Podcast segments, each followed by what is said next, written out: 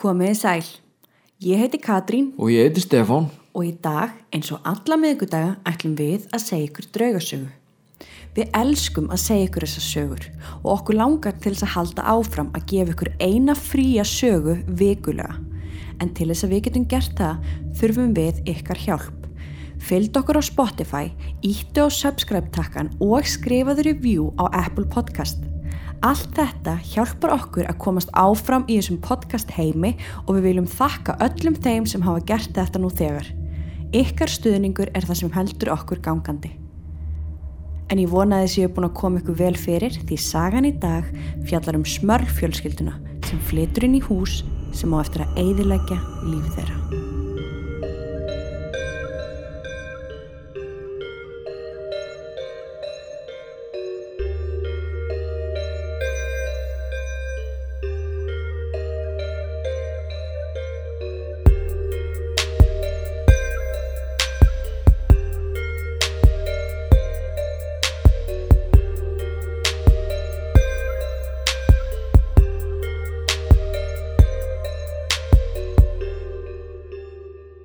Smörfjölskyldan var rétt eins og hver önnur fjölskylda. Þau byggu í Pittsson í Pennsylvania á nýjunda áratögnum. Foreldrarnir Janet og Jack áttu saman fjórar dætur, Dawn og Heather og setna meir eignast þau tvíbrasisturnar Shannon og Karen. Sagan þeirra byrjar á því að fellibilurinn Agnes fer yfir heimilið þeirra árið 1972 og eigðilegur allt húsið eins og það lagði sig.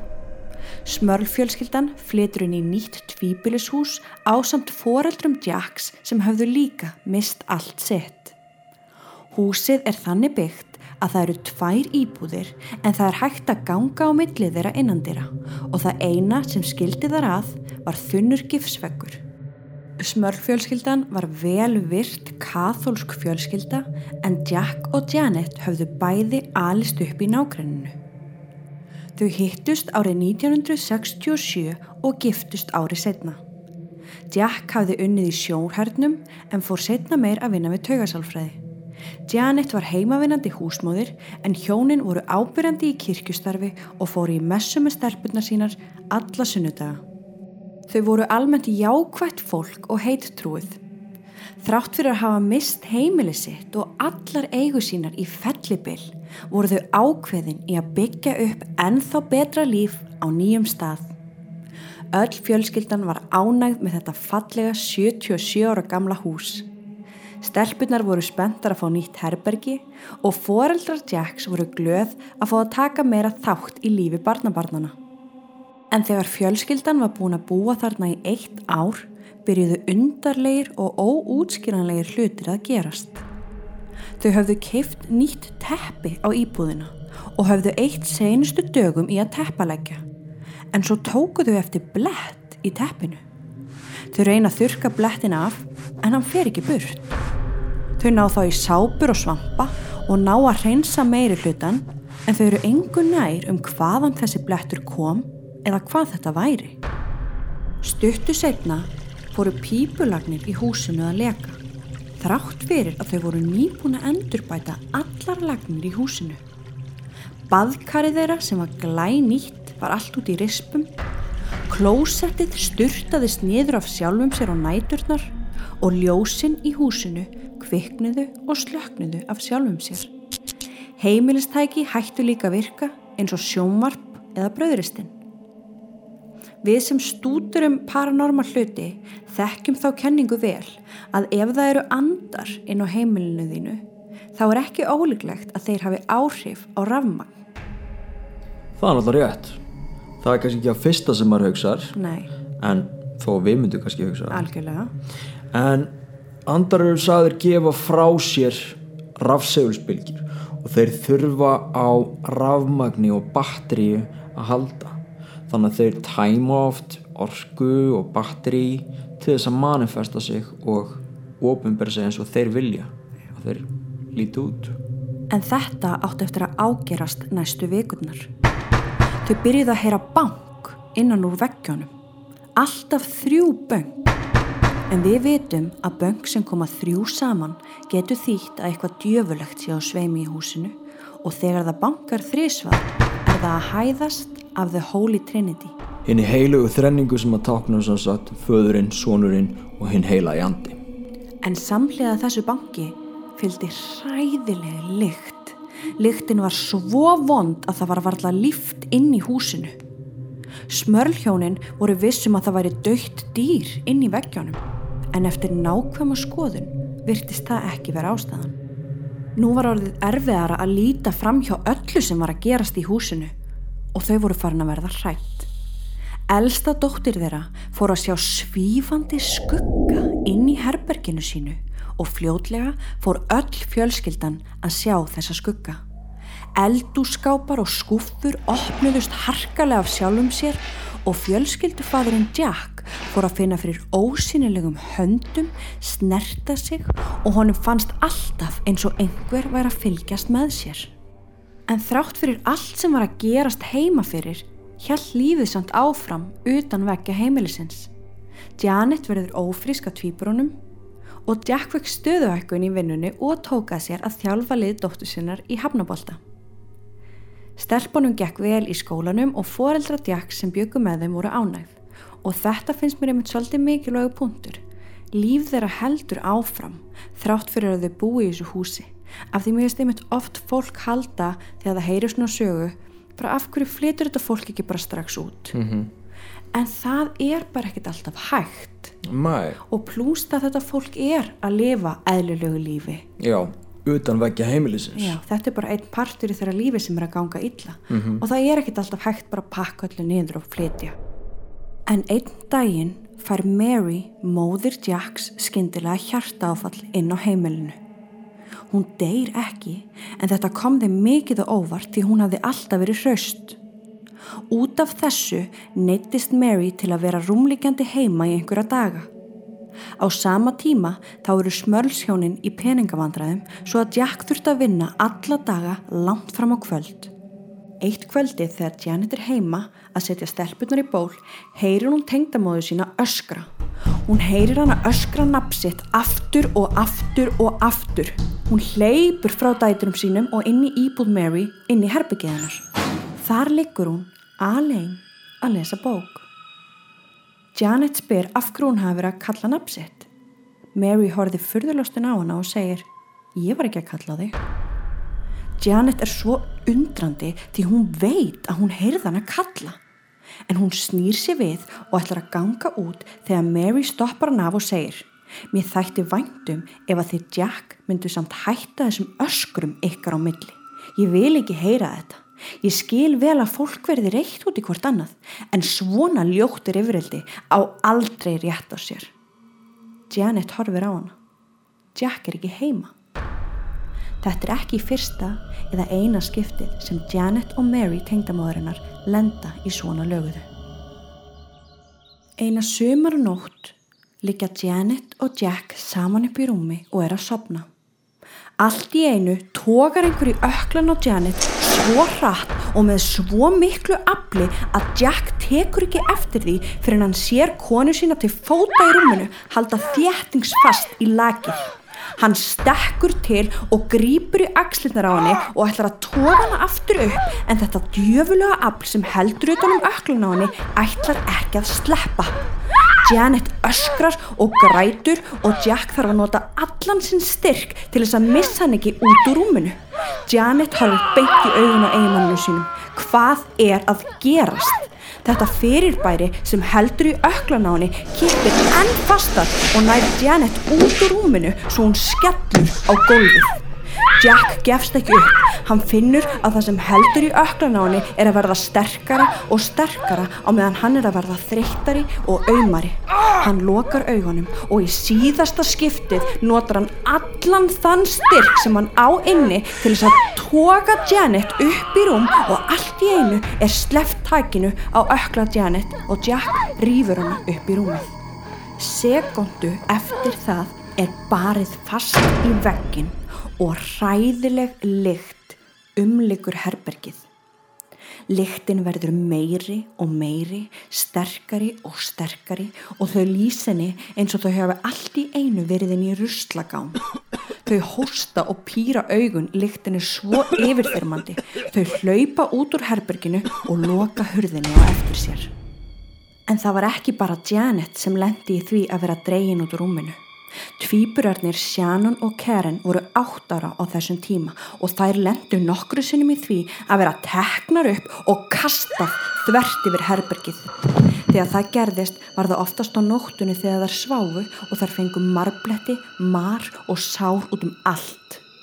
Hundunum þeirra var líka tekinu upp á miðjustofugólfinu og hend í vegginu. Nú er árið 1986 og fjölskyldan búin að búa við þetta ofbeldi í 13 ár.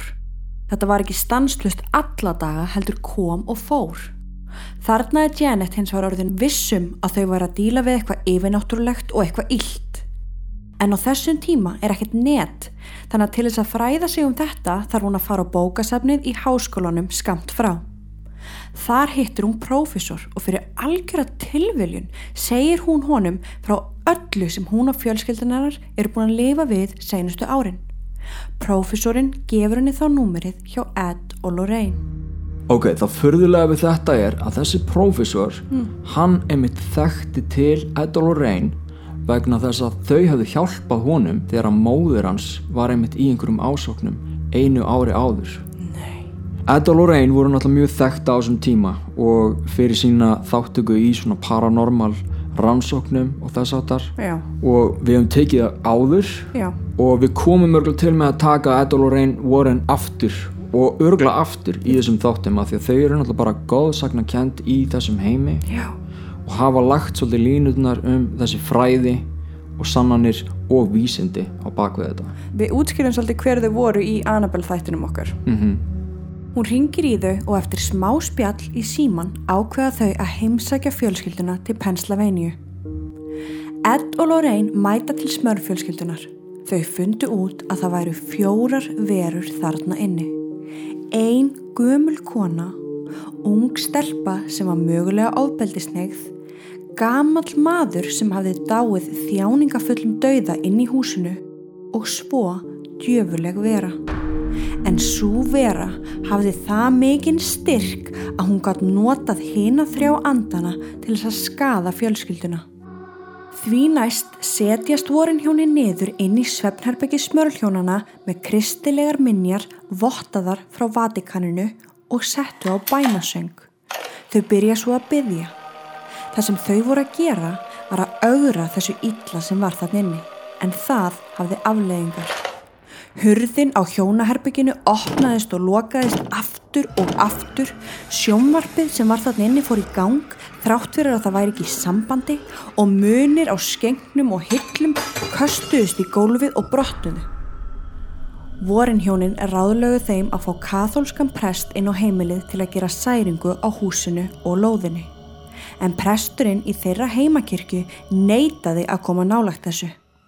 Þá ákveður Loren sjálf að mæta og byggja prestin í personu því að hún og hennar vinna var ansið þekkt, en aftur neytaði presturinn. Hann sagði Loren að það væri of mikið að gera hjá honum og hann hefði einfallega ekki tíma. Loren bregður framkoma á vinnubröð prestins en segir fjölskyldunni að missa ekki trúna. Þau ætti að halda áfram að byggja og mæti í messur því ef þau myndu missa trúna núna myndu ásóknirnar versna. Já og það er eins og þegar Ed Warren nefndi það á sínu tíma að þetta væri lögnin eins og hákall. Hákall syndir í kringum bráðin, hann ræðist ekki beint til allu. Hann fer í svona ringi aðtöður hvort að stafi einhver ógn af þér, svo fer hann nær og nær og nær áður en að ræðist til allu og þetta er svolítið það sem er líkt við demonic oppression. Það er rétt, þeir byrja mitt bara á rafmagninu, síðan faraður aðeins að reyfa dótið og áður nú mm. veist að þeir byrja að taka í þig. Warrenhjónin ringja þá í prest sem þau höfðu unni með í gegnum árið. Hann samþykir að koma og gera særingu á húsinu. Hann mætir kvöld eitt, reynsar húsið og í tvær vikur virtist að hafa virkað ásóknirnar hættu en þær byrjuðu aftur verri en áður. Hann kemur þá í annanskiptið og gerir aðra særingu á húsinu og sama sagan endur tekur sig. Nokkrum vikum setna koma ásóknirnar tilbaka. Ed og Lorraine segja setna meir að þetta hafi verið eitt erfiðasta mál þeirra því þetta djöfulega afl neytaði að yfirgefa húsið og fjölskylduna. Þarna eru hjónin algjörlega búin að fá nóg. Þau eru búin að vera þjóna sinni í kirkju, þau eru búin að gera allt rétt og þau fá algjörlega nóg og Jack tekur þá ákverðin að gera þetta bara ofinberlegt. Mm -hmm. Hann bara fær allar fréttastofur og, og, og reynir bara að gera fréttur út um allt, bara við búum í þessu húsi er einhver aðna úti sem getur mögulega að hjálpa okkur, við þurfum hjálp við getum ekki gert þetta meir En í bókinu þeirra þá er talað um að þau voru í rauninni eins og þú segir að byggjum hjálp. Þetta var bara ákall til þess að fá þessar fréttastofur og allir þessar greinar og svo leiðis mm -hmm. þetta var bara ákall eftir þú, hjálp. af því þú fær ekki að skrifa Facebook status á þessum tíma og beða um að deila þú veist, þú, þú getur ekki sett eitthvað á Instagram þarna, þetta var eina leiðin til þess að koma einhverju út í samfélagi, var að fá fréttastofur með sér í leið. Akkurat. og auðvitað voru alla fréttastofur tilbúinir að koma og tala um eitthvað djöfulegt hús. Mm -hmm. menn þetta er náttúrulega bara ótrúlega frétt. Já, já. þannig að þetta fór út um allt og eins og þú segir, þau skrifuðu bók með Edda Lorraine, það eru Edda Lorraine sem skrif ég menna þetta voru ekki réttöndar Janet og Jack, þau er bara vennjulegt fólk þannig að það kannski gæti ekki alveg fara að skrifa einhverja bók, fengu hjálp frá hérna Warren hjónunum til þess að gera þessa bók og það er mm. þessi bók sem kom þeim til bjargar. Það er nefnilega rétt, af því það var ungur maður sem var að læra til prest í Róm og hann var komið svolítið langt í þessu guðfræði námi sínu en svo þarf hann skindilega að hætta við að því að það verði einhver veikindi heima fyrir og hann þarf að fara að gera eitthvað annað. Hann allan kemur inn í þessa bókabúð sér þessa bók og lesa hana og hann verður brjálaður. Hann hefur samband við Vatikanið enda með einhver tengsl þar frá sínum árum við að læra og þetta mál fyrir að borð kardinála Ratzinger sem að verði svo setna Pávin og hann kemur þessu áfram til einhvers særingar teimis sem er þarna á vegum Vatikansins. Hann hefur svo samband líka við prestin sem að saði nei þarna í heimasókninni hjá þessum hjónum og sá fer náttúrulega bara algjörlega í kerfi, hann fer þarna með skotti millir lappana, enda kardinálinn búin að segja, býtu, hvað, akkur erum við ekki búin að heyra á þessu máli, hvað er að frétta, akkur er þetta ekki búin að gera neitt? Og hann fer til hjónana, byggst afsökunar fer með konfektkassa og segir einmitt að þetta særingateimi sé á leiðinni. Loksins var hlustað á þau og loksins virkaði særingin í þriðja skipti sem hún var framkvæmt. En þarna voru 16 ár liðin. Þau voru búin að búa við ofbeldi í tæp 16 ár. Þau letu hvort á annað. Þau voru svo þreytt. Öll ósofinn með marbletti og sár allstaðar. Húsgagnin þeirra voru meir og minna eðilögð eftir að hafa verið kastað til og frá. Þetta var komið gott. Árið 1986 ákveða þau að flytja og þau letu aldrei um auksl. Sem betur fer fylgdi þetta djöfulega afl þeim ekki en húsið stendur enn með nýja eigendur. Ok, svo að ég er búin að koma staði hver býr hérna í þessu húsi núna. Ok. Og Núna ætla ég að ringja í þessa manneski Nei. Jú, jú Stefan Já. Nei. Ok, pröfum að heyri henn Númerið var ekki rétt valið. The dial number is not correct. Draugur. Ætlaður í alveg að ringja? Já. Ætlaður í alveg að ringja í fólki sem bara í betni útsendingu? Já. Það hefði ekki verið cool.